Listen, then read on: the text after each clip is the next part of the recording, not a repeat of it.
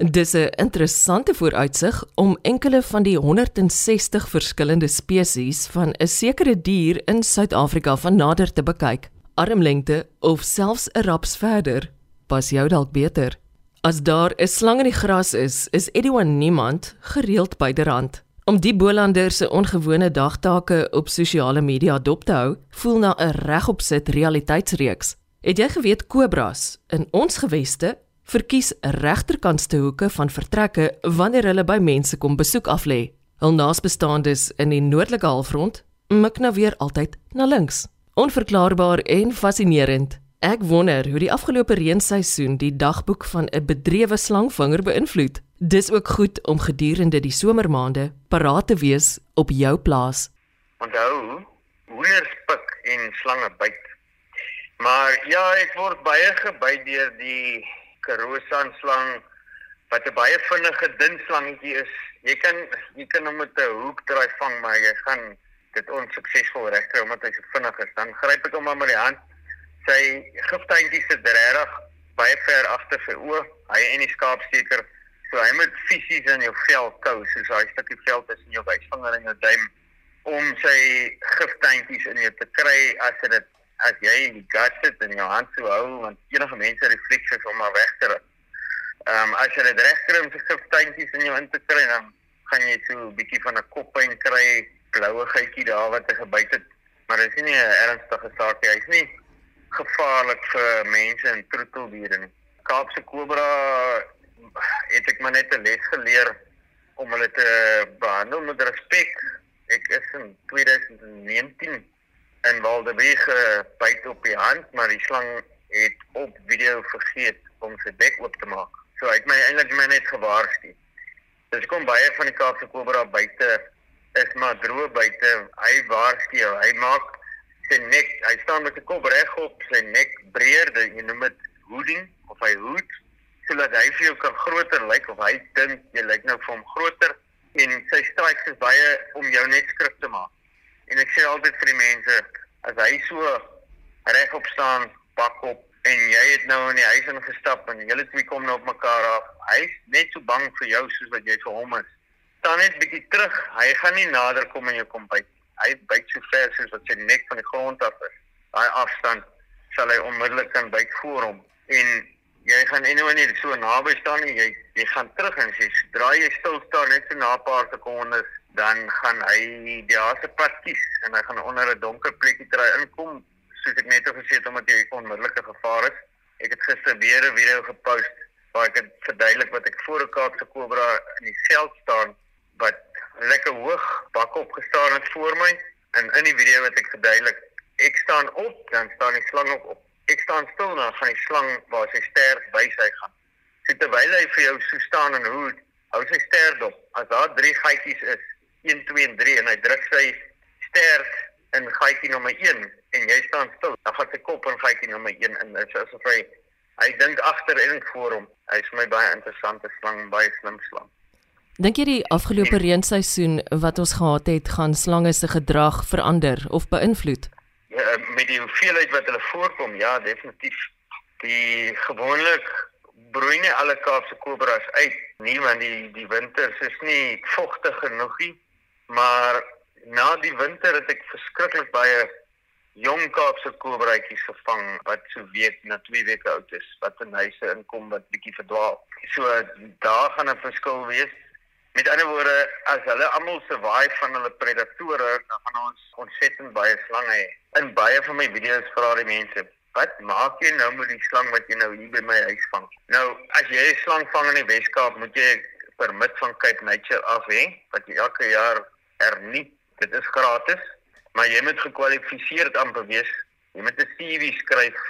Maar elke jaar moet jy dit maar net hernie en daai plat moet in jou bakkie wees. Dis ek kom kyk Nature sê moenie slangvangers gebruik sonder 'n catch and release and rehabilitation permit nie, want daai ou doen dit actually onwettig in die Weskaap. Nou daai permit het 'n sekere registrasienommer op wat aan my toegeëien is. As ek in 'n as ek nou 3 slange vanmiddag vang sê maar 'n Saterdag, ek vang 3, 4 slange. In my bakkie en ek ry nou waar ek hulle veilig hou tot hulle sê ek moet dit vrylaat en ek kom in 'n roadblok, jy het 'n wilde dier by jou.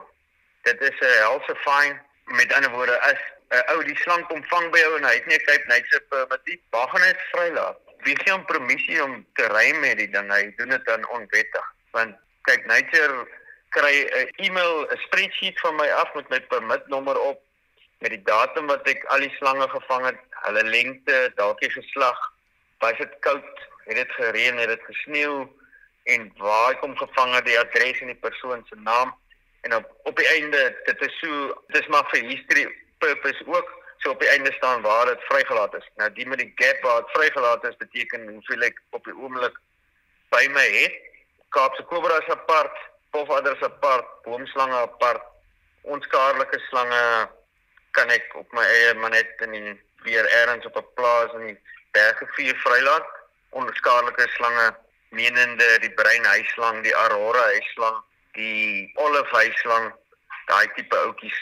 Dan stuur ek dit vir Cape Nature en die man wat in beheer is van daai afdeling sê vir my Okay, daai berg het laaste gebrand, so ons wil die veld rehabiliteer. Die slange is doodgebrand, maar daar is rotte wat die sonneblomsaadjies opeet.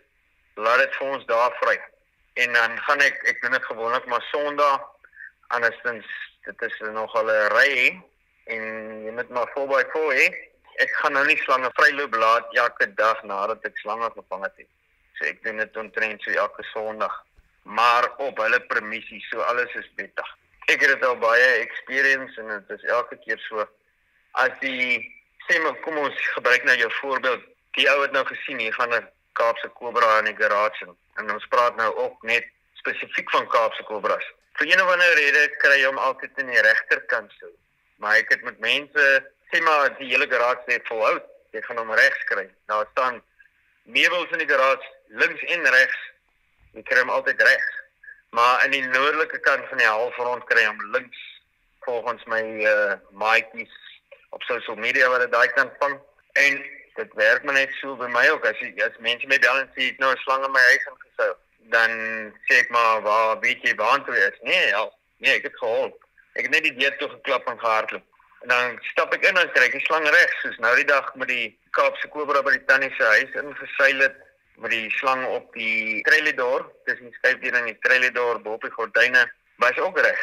Kan baie van my video's kyk in daai gevalle wat dit nou in 'n huis is, is dit maar gewoonlik reg. By die bank storie, die mense het nou nie die slang gesien in sy lewe, hulle het net gereageer op die kat se reaksie.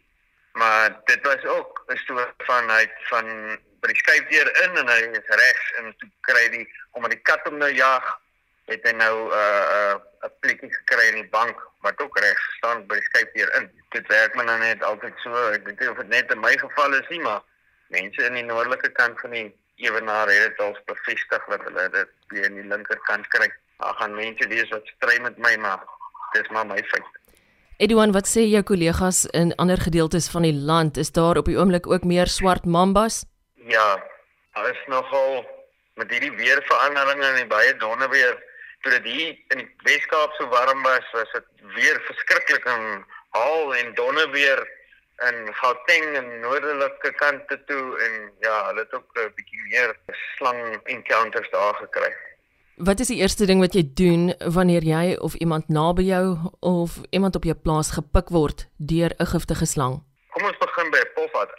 As jy deur 'n pofadder gebyt word, jy het nou nie nodig om te vreeslik te jaag hospitaal toe nie want dit is nie onmiddellike lewensgevaar hy het 'n sitotoksiese gif wat jou spierweefsel rondom my area aanval en dan swel dit nou later na jou skouer toe.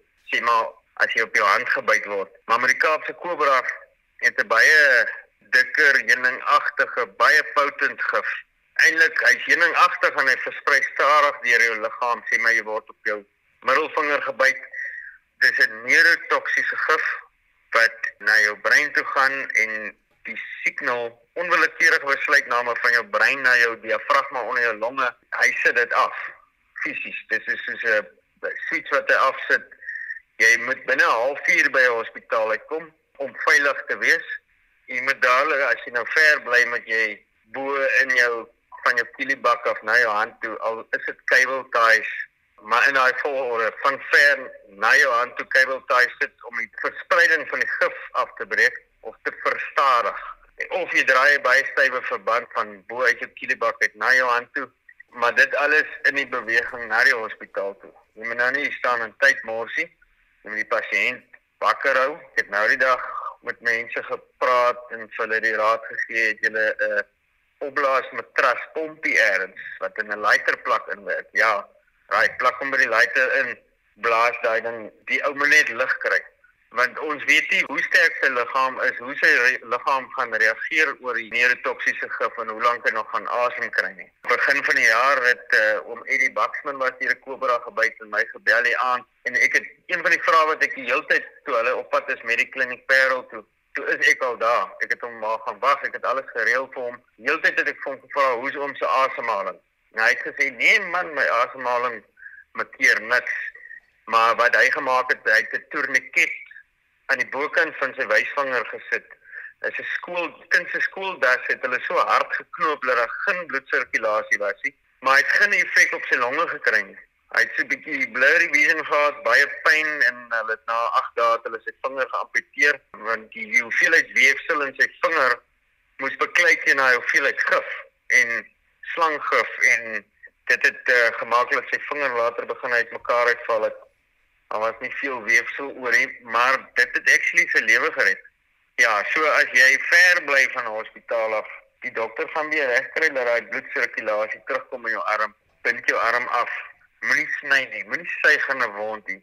Daai is 'n wollaar storie. Probeer so gou as moontlik veilig by die hospitaal kom. Bel vooruit, bel 'n slangvanger met die kennis van slangbyte. Dat hulle gaan raad gee en moet inpraat en om 'n pasiënt kalm te hou, stadige bloedsirkulasie en hy kan dalk jy kan sy lewe spaar. Moet net nooit laat hy in die slaap ook raak nie. Ja, die hospitale weet wat hulle wat om te maak. Daar is nou weer antivenom. Dit het nou weer voorraad is opgebou met die winter wat nou weer minder slangbyte was. Almal vra vir my, is daar nou weer antivenom? Daar is wel. Wat sou jou raad wees aan boere en agriwerkers op suikerriet en wingerdplase? Jy moet jou hande daar onder die blare indruk om te kyk waar is die drywetrossie om veral hier Januarie, Februarie maande wanneer baie bytgevalle is. So kyk maar eers mooi voordat jy vat want die dit is warm en die Kaapse kobra soek die koelte, hy dalk in die wingerd dan lê hy op die gordondraad en wag vir 'n voeltjie of 'n ding of hy kykie van bo wanneer 'n meisie verbykom, nou kom jy daar verby, jy doen net jou werk, jy moet oes en wees maar versigtig, kyk maar mooi, hou deure toe, plaashuise oral. As dit te baie warm is, moenie jou onderdeur oop los nie, want dan gaan jy dalk 'n uh, kuiergasie kry in jou huis. Want hulle kan nie hoe hitte hanteer en en hy gaan kom koel te soek. Hy kom water soek. As dit te warm is, is sekere tyd van die dag dan glip hy by jou huis in. Hy kan heeldag daar binne verdwaal tot jy nou vanaf 12 uur kom bys toe stap en dan sien jy maar hier die, die lig aan sit. Jy skrik hy vir jou en hy's al onder die wasmasjien en dis wanneer hulle my bel. So wees maar veilig. Suikerie plase, as ek moet raai, my suikerie plase is nou nie noodwendig Kaapse kobras nie, maar dalk swart mambas en daai ouppies. Hulle moet maar altyd 'n oogie oop hou.